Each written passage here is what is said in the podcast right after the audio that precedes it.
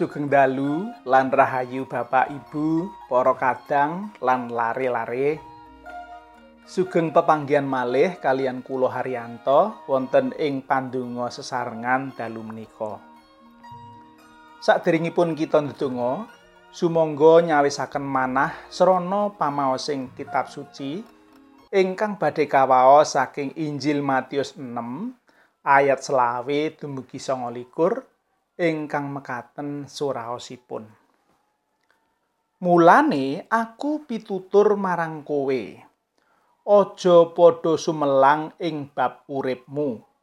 Bab apa kang bakal kok pangan utawa kok ombe? Lan bab badanmu.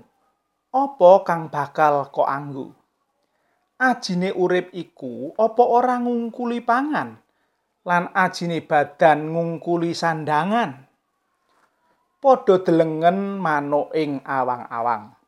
Padha ora nyebar lan ora derep, sarta ora tetandu ana ing lumbu. Ewadene padha kaparingan pakan dening ramamu kang ana ing swarga.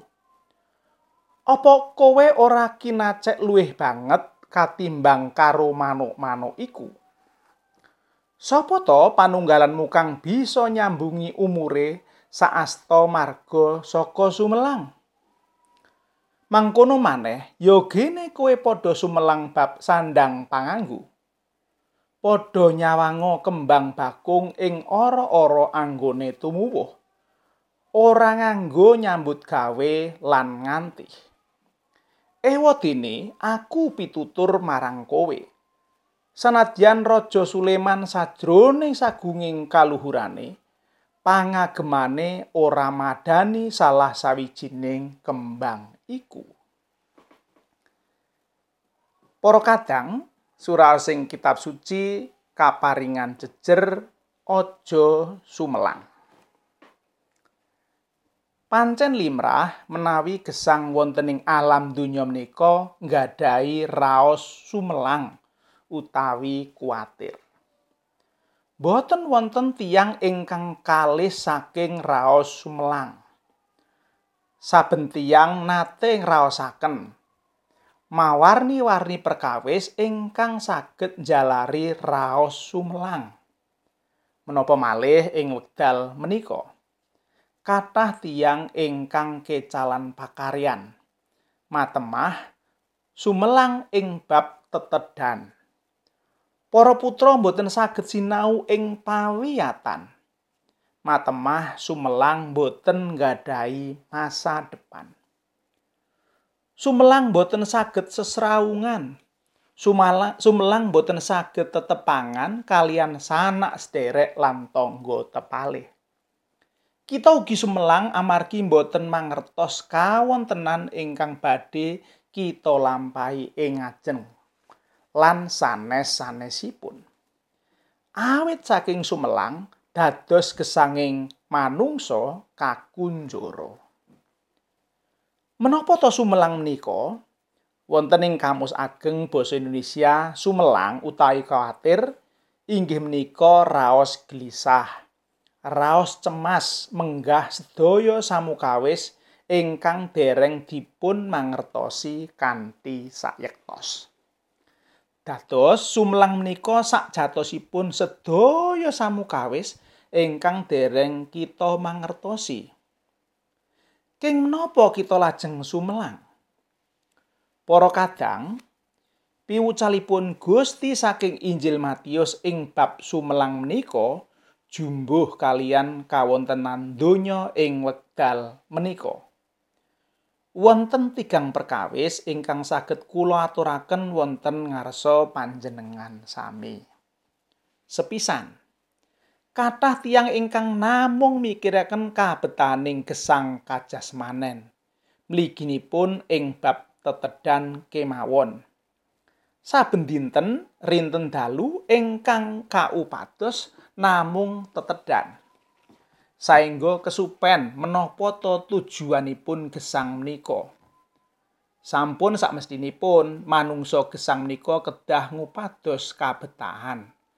Ananging menawi namung kabetan kajasmanen kemawon ingkang dados ancasing gesang, sengsaya dangu manungsa kesupen boten mangertos menapa to tujuan lan wosing gesang.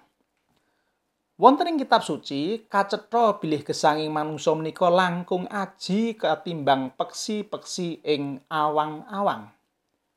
Bab menika mujudaken bilih Gusti Allah ngripta gesanging manungsa supados saged migunani langkung aji. ketimbang namung sumelang ing bab kabetan kajasmanen kemawon. Ing mriki cetha bilih raos sumelang jari kita mboten saged mangertos kersanipun Gusti Allah tumrap gesang kita. Menawi gesang kita sampun ginubet ing raos sumelang, kita mboten saged malih mikiraken menapa pakaryan ageng ingkang saged kita tindakaken kejawi namung bab bondo donya lan tetedan. Malah mitrat ilmu kedokteran ing wekdal menika sumelang saged njalari cendheking umur. Sumelang saged njalari daya kegiatan kita ringkih, imunitas tubuh dados lokro. Kaping kalih. Sumelang boten saged dadosaken tentreming manah. Awit saking raos sumelang, manungsa boten saged ngraosaken tentrem rahayu. Ing kawonten manungsa tansah ngresula, boten saged ngraosaken bilih gesangipun menika binerkahan. Boten saged ngraosaken kacekapan tansah rumaos kekirangan. saengga kasupen kangge ngleremaken manah. Kosok wangsulipun, tiang ingkang pitados lan sumeleh saged ngraosaken kamirahanipun Gusti Allah, saged ngaturaken pangucap syukur awit saking panggula wentahipun Gusti Allah. Kaping 3. Sumelang boten saged dadosaken kiating pangandel. Tiang ingkang tansah sumelang ing saben dintenipun namung gayuh kabetaning gesang ingkang arupi bondo donya. Boten wonten wekdal kangge sesrawungan kalian Gusti Allah.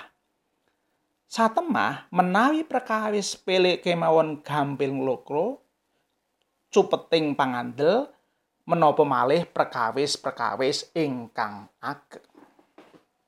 Para kadang migatosaken piucalipun Gusti Yesus ing dalu menika kita saged mendhet wosing pangandika bilih saben tiyang gadhahi raos sumelang boten wonten tiyang ingkang boten nate ngraosaken sumelang sedaya tentu ngraosaken raos sumelang ananging kados pundi amrih gesang kita boten ginubet ing raos sumelang Menapa kita mboten pareng gadhahi raos sumelang?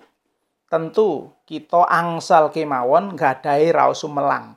Jer kita enget kalian pangandikanipun Gusti Yesus. Bilih peksi ing awang-awang lan kembang bakung ing ora-ora kemawon karimatan Gusti Allah. Menapa malih gesang kita tiang ingkang ngaken putranipun Gusti Allah. gesang kita tentu badhe langkung karimat Gusti Allah katimbang peksi lan kembang bakung menika menawi kita nggadahi pangandel ingkang ageng tuwin kersa ngaturaken pangucap syukur wonten ing prahara pagebluk menika kita mboten mangertos benjang menapa wusananipun nanging kita kabrek supados nggadahi pangajeng-ajeng pangandel ingkang kiat lan ngasoraken raos sumelang ingkang gubet gesang kita. Awit Gusti Allah sampun aprajanji badhe ngrimati gesang kita. Amin.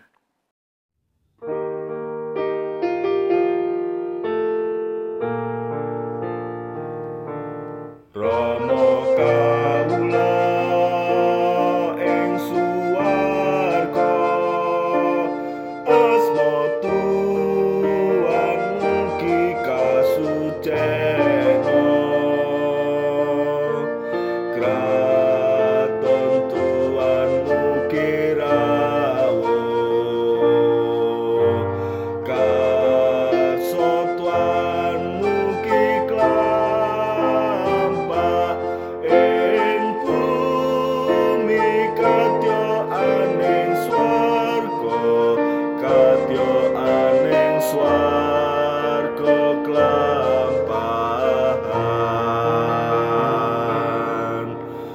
go.